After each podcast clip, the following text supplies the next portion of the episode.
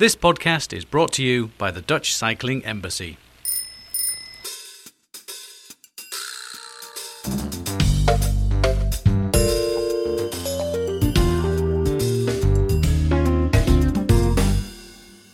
Meine Damen und Herren, herzlichen Willkommen zu diesem Metropolitan Mobility Podcast. Uh, a warm welcome to the Metropolitan Mobility Podcast für die erste Mal auf Deutsch und für die erste Mal live von Berlin. Mein Name ist Gerd Kloppenburg und ich komme aus Holland. Das haben Sie schon gehört, das denke ich. Die Gäste uh, in diesem Podcast sind uh, Burkhard Stork, der Direktor von dem Allgemeinen Deutsche Fahrradclub und Carolina Mazza. Zuerst hören wir uns einige Straßeninterviews an, die ich in der Pop-up-Straße gemacht habe. Ich wollte fragen, was, was finden Sie davon, von der Pop-up-Straße? Ja, finde ich gut. Was finden Sie gut daraus? Hier ist viel sicherer und viel äh, bequemer und entspannter hier zu fahren. Und haben Sie hier viel mit dem Fahrrad gefahren in die, die alte Situation? Also auf dieser Straße nie. Da musste man immer Prügeleien befürchten oder, oder Unfälle. Dann gehen Sie nicht auf die Fahrrad. Sie sagen dann in die alte Situation, das ist nicht auf diesen Straßen dann. Ja, nicht auf dieser Straße auf jeden Fall. Wie ist es mit den Pop-up-Straßen? Äh, ja, ist super. Es ist viel mehr Platz und viel, viel sicherer. Was war die Änderung äh, von die, von die Straße? Ja, also vorher haben die Autos praktisch äh, näher geparkt an dem äh, also näher am Bürgersteig und wir sind an, an der Straße gefahren, also neben den Autos. Jetzt sind die geparkten Autos wie eine Trennung zwischen den äh, Fahrradfahrern und ähm, der Straße. Und äh, gehen Sie äh, jetzt mehr mit dem Fahrrad? Ja, wir, wir, waren auch schon vorher super viel mit dem Fahrrad unterwegs, aber es ist auf jeden Fall angenehmer jetzt. Ne? Es ist, mit dem Kind ist es viel, viel entspannter. Wie war die alte Situation, wenn Sie fahren wollten? Ja, also vorher auf der Straße, aber direkt neben den Autos. Also oder halt, man ist dann auf dem Bürgersteig, aber da ist eigentlich auch nicht so viel Platz hier auf dem Bürgersteig. Also es ist ziemlich eng. Eigentlich kann man hier nicht auf dem Bürgersteig. Okay, wir haben hier ein, ein Auto und er war gestoppt und er wollte etwas sagen. Was, was denken Sie über die Fahrrad? Und Sie sagen, dass die Fahrrad zu viel Rechten bekommen? Die bekommen die Rechte nicht, aber die nehmen sich die Rechte. Aber war die Rechte dann immer für Leute in den Auto da? Oder von wie ist die Straße dann? Von do oder von mir oder von wie ist die? Die Straße ist ja offiziell ist von jedem, aber ich denke, die Fahrräder sollen auf der Fahrradseite bleiben und die Autos auf der Autoseite. Aber jetzt plötzlich haben wir die Fahrräder auf Autoseite. Das kotzt mich an, Mann. Sie fahren auch Fahrrad? Ja, ich fahre auch Fahrrad. Und was denken Sie dann von den Pop-Up-Straße, Pop-Up-Lanes, Special Bike Lanes? Nee, ist okay. Das ist okay? Ja, das ist für mich okay. Aber da hatten Sie eine Lehne von den Car weggegeben zu dem Fahrrad, so das ist okay. Ja, das ist okay. Jetzt gehört es den Fahrrädern. Ich kann nicht sagen, ist nicht okay. Ist ja schon weg. Das ist okay. Okay, danke vielmals und tschüss. Wir haben wir jetzt in den Show. Hallo, Burkhard Stork, Bundesgeschäftsführer ADFC. Und wir haben wir noch mehr. Ja, ich bin Carolina Mazza und ich bin beim ADFC Berlin und ich bin für Aktionen und Öffentlichkeitsarbeit zuständig. Okay, und Sie gehen, das für mich, das wollte in Deutsch, äh, mit meinen Deutschsprachen, werden Sie mir ein bisschen helfen? Auf jeden Fall. Kein okay. Burkhard, was wollen äh, Sie mir schauen, sauen? Wir stehen gerade auf einer Ecke, wo man zwei traditionelle Bauarten von Fahrradinfrastruktur in Berlin sehen kann. Die eine Tradition ist, wir machen gar nichts und lassen die Leute alleine und sie sollen sich mal schön zwischen den Autos auf die Straße kämpfen. Das ist die eine schlechte Tradition. Und was wollen Sie mir schauen? Was ich schon äh, zeigen? Entschuldigung. Ja, wir möchten auf jeden Fall auch sehen, wo die Verkehrswende in Berlin klappt. Und zwar bei Powerbike Lanes und Fahrradstraßen. Also wo man entspannt in Berlin mit dem Fahrrad fahren kann. Aber wenn wir beginnen, können Sie in drei Sätzen erklären, was Sie tun. Okay. Ja, wir versuchen entsprechend Druck bei der Politik zu machen, damit das Mobilitätsgesetz, was in Berlin schon seit zwei Jahren gibt, umgesetzt wird und man einfach überall in Berlin von A nach B mit dem Fahrrad fahren kann. Und Sie? Bundesweit gibt es ein neues Förderprogramm mit sehr, sehr viel Geld. Es wird in den nächsten vier Jahren über 700 Millionen Euro geben. Die deutschen Kommunen können heute oder morgen damit anfangen, die Verkehrswende und die Fahrradwende zu machen. Und da ist noch ein kleines bisschen Überzeugungsarbeit bei den meisten der 11.000 deutschen Kommunen. Aber jetzt, wo gehen wir hin? Wir gehen radeln und was ist die erste, äh, wir gehen auf welche Straße?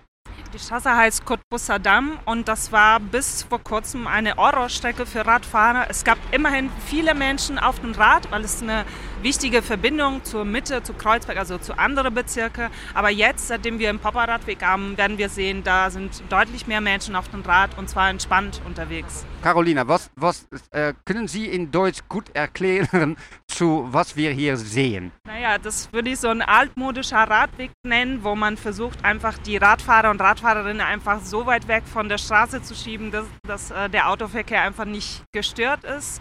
Und das ist zwar ein sehr enger Radweg, wo nur hintereinander äh, fahren möglich ist und äh, überholen überhaupt nicht möglich ist. Und zwar auch äh, breitere Räder wie Lastenräder einfach nicht genug Platz haben. Wir gehen jetzt auf den Pop-up-Straße. Und was ist die größte äh, Änderung hier, Carolina, in Berlin? Naja, auf dieser Straße gab es davor einfach gar keine Fahrradinfrastruktur. Ja. Wie wir vorhin gesagt haben, gab es oft Autos in der zweiten Reihe und dann auf die andere Spur äh, waren nur Autos, die ganz oft auch sehr schnell gefahren sind. Und äh, es war gefühlt sehr gefährlich, Rad zu fahren. Und seitdem wir der Popperradweg haben, gibt es eine bauliche Trennung zwischen. Wir können gehen. Ja, sehr schön. Und wie lange hat es gedauert, wie, wenn es fertig war? Ähm, dieses, in dieser Straße war schon mal eine Protected Bike Lane geplant, aber tatsächlich von, äh, von der Entscheidung hier erstmal ein Pop-up-Radweg zu der Umsetzung ist nicht viel gedauert. Also ich denke eine Woche oder so. Was waren die Kosten?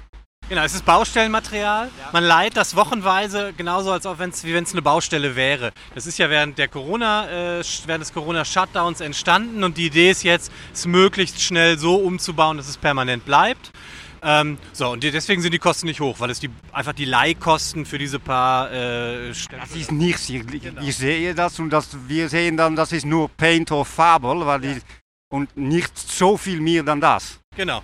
Genau, es ist günstig. Eine gute Radverkehrsinfrastruktur ist einfach nicht teuer, wenn man sie Quick Build macht.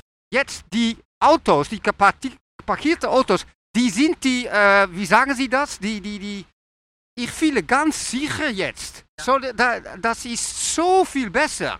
Und das ist ganz, ganz schnell. Genau, es geht total schnell. Wir haben an vielen, vielen Stellen eine pa ein parkende Autos rechts und man kann die eine, ähm, eine, einen Fahrstreifen nach links schieben und dann habe ich eine Parking Protected Bike Lane, wie die Amis sagen. Und dann weiß man ganz schnell, okay, da kann man super fahren, man fühlt sich wohl und es ist auch Platz genug, selbst wenn mal die Beifahrertür aufgeht. Ja, auf jeden Fall. Also die Trennelementen helfen, eben diese Distanz zu schaffen, damit man einfach weiter geradeaus fahren kann und nicht ständig fürchten muss, dass eben eine Autotür aufmacht oder dass jemand beim Parken zu nah kommt. Und so fahren viele Menschen Fahrrad. Und der Vorteil ist außerdem, dass diese Umsetzung temporär ist. Das heißt, es lässt sich auch in einer kurzen Zeit ändern. Also die Poller, kannst du sehen, kann man umstellen, wenn sie zu nah oder zu weit sind. Die Streifen kann man auch sehr leicht entfernen und neu machen. Und so wird es einfach beobachtet, wie der Radweg angenommen wird, was klappt, was funktioniert nicht und kann schnell geändert werden. Das ist so schnell, die Änderung ist so schnell. Oh, Burkhardt ist, der, der wollte etwas sagen. Ne? Das ist immer mit den Männern. Ich glaube, dieses Ausprobieren und schnell ändern können ist überhaupt nicht deutsch. Und das gefällt mir sehr gut daran, weil wir überall auf der Welt gelernt haben, dass man Sachen ausprobieren muss. Und dann merkt die Bevölkerung, ah, nach drei Monaten ist es doch nicht die Katastrophe, es ist nicht Stau oder Verarmung der Innenstadt, wenn man plötzlich mehr Radwege hat. Und deswegen ist es mit dem Ausprobieren super. Und ich hoffe sehr, ähm, dass wir so eine Ausprobierkultur mehr und mehr bekommen. Und da hoffe ich, dass die Pop-Up-Bikelanes bei helfen. Okay, Leute, es ist regnen hier und wir sind hier mit dem Fraulein und das ist ein Problem. Wie geht es mit dem Make-up?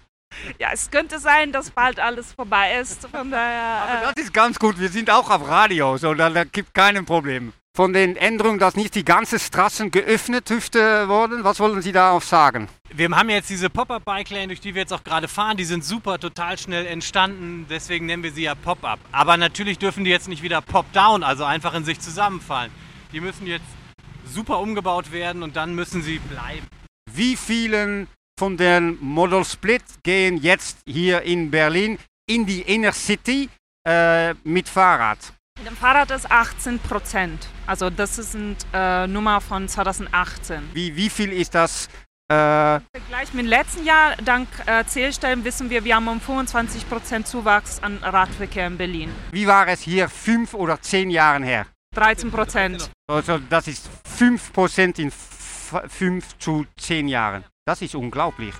Und was ist die, die vornamste Reden, dass es so viele mehr Leute auf dem Fahrrad geht? Es ist eine Mischung davon. Es gibt außerdem viele Aushälte, wo einfach kein Auto vorhanden ist. Also es gibt viele Berliner, die sich hauptsächlich mit dem Rad oder eben mit öffentlichem Nahverkehr bewegen.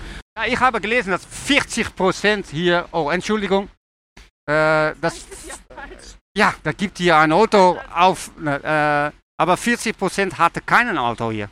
Genau, ganz genau. Und diese Menschen möchten sich eben nicht mit dem Auto bewegen, sondern mit anderen Verkehrsmitteln, mit dem Rad, mit Office. Und wir brauchen jetzt entsprechend Platz auf der Straße. Bisher haben wir nur ganz viel Platz für Autos und sehr wenig Platz für Menschen zu Fuß, für Menschen mit dem Rad. Und das haben wir jetzt mit Corona gesehen. Wir brauchen eigentlich noch mehr Platz, um in diesem Moment Abstand zu halten. Und generell brauchen wir mehr Platz für nachhaltige Mobilität. Aber wir fahren hier und was denken Sie auf Gehen die Kinder, nützen sie auch schon diesen Pop-up-Straße? Ja, auf jeden Fall. Ich habe gerade hingesehen, wie ein Vater mit einem Kind gefahren ist. Früher war das halt nicht möglich, weil es gab einfach nicht Platz, um nebeneinander zu fahren. Das, was wir jetzt machen, ist jetzt auch für einen Vater oder eine Mutter mit Kind auch möglich. Und äh, zwar kann das Kind einfach auf der Innenseite sein und der, die Eltern können nach außen fahren und sie auch ex extra schützen. Nicht nur die Paller, sondern auch Personen können sozusagen die andere schützen.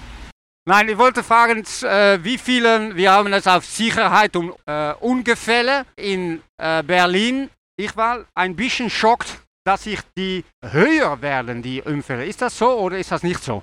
Ja, das ist so. Wir haben gerade gestern in Spandau zwei Radfahrerinnen äh, sind gestern getötet worden. Es ist gestern? gestern ja, es ist ähm, leider, man muss fast sagen, schrecklicher Alltag in Berlin. Es ist klar, wenn mehr Leute Fahrrad fahren, dass dann auch mehr Unfälle passieren.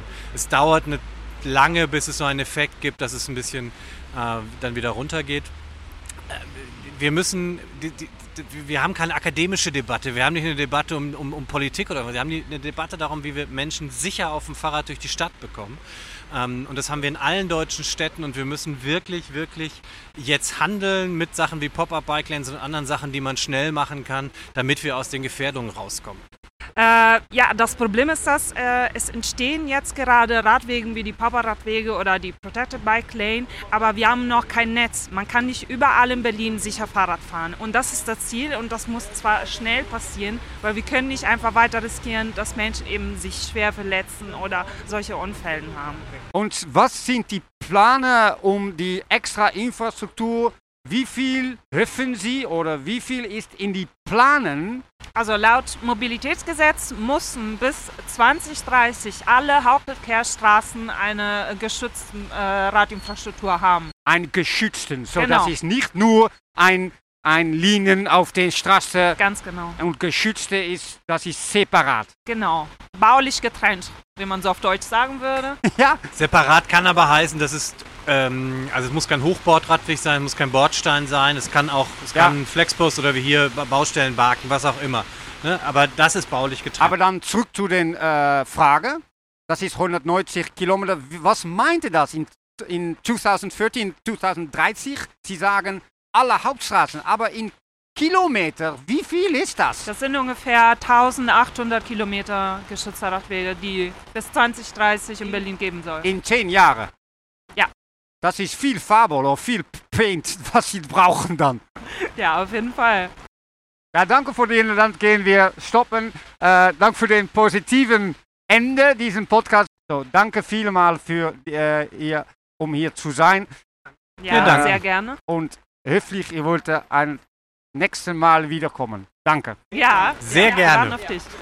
Danke vielmal für das Anhören diesen Podcast für das erste Mal für mich in Deutsch. Das war ganz spannend äh, aus Berlin. Äh, in den Shownotes, da gibt es ähm, einen Link zu dem Video, die wir gemacht haben in Berlin und auch gibt da einen Link zu meiner Website äh, und dort können Sie sehen, äh, da sind verschiedene Interviews mit Leuten, die antworten auf die Frage, wie können wir die Stadt von der Zukunft besser entwerfen. Danke vielmal für Anhören diesem Podcast und vielleicht bis zu ein nächsten Mal. Tschüss!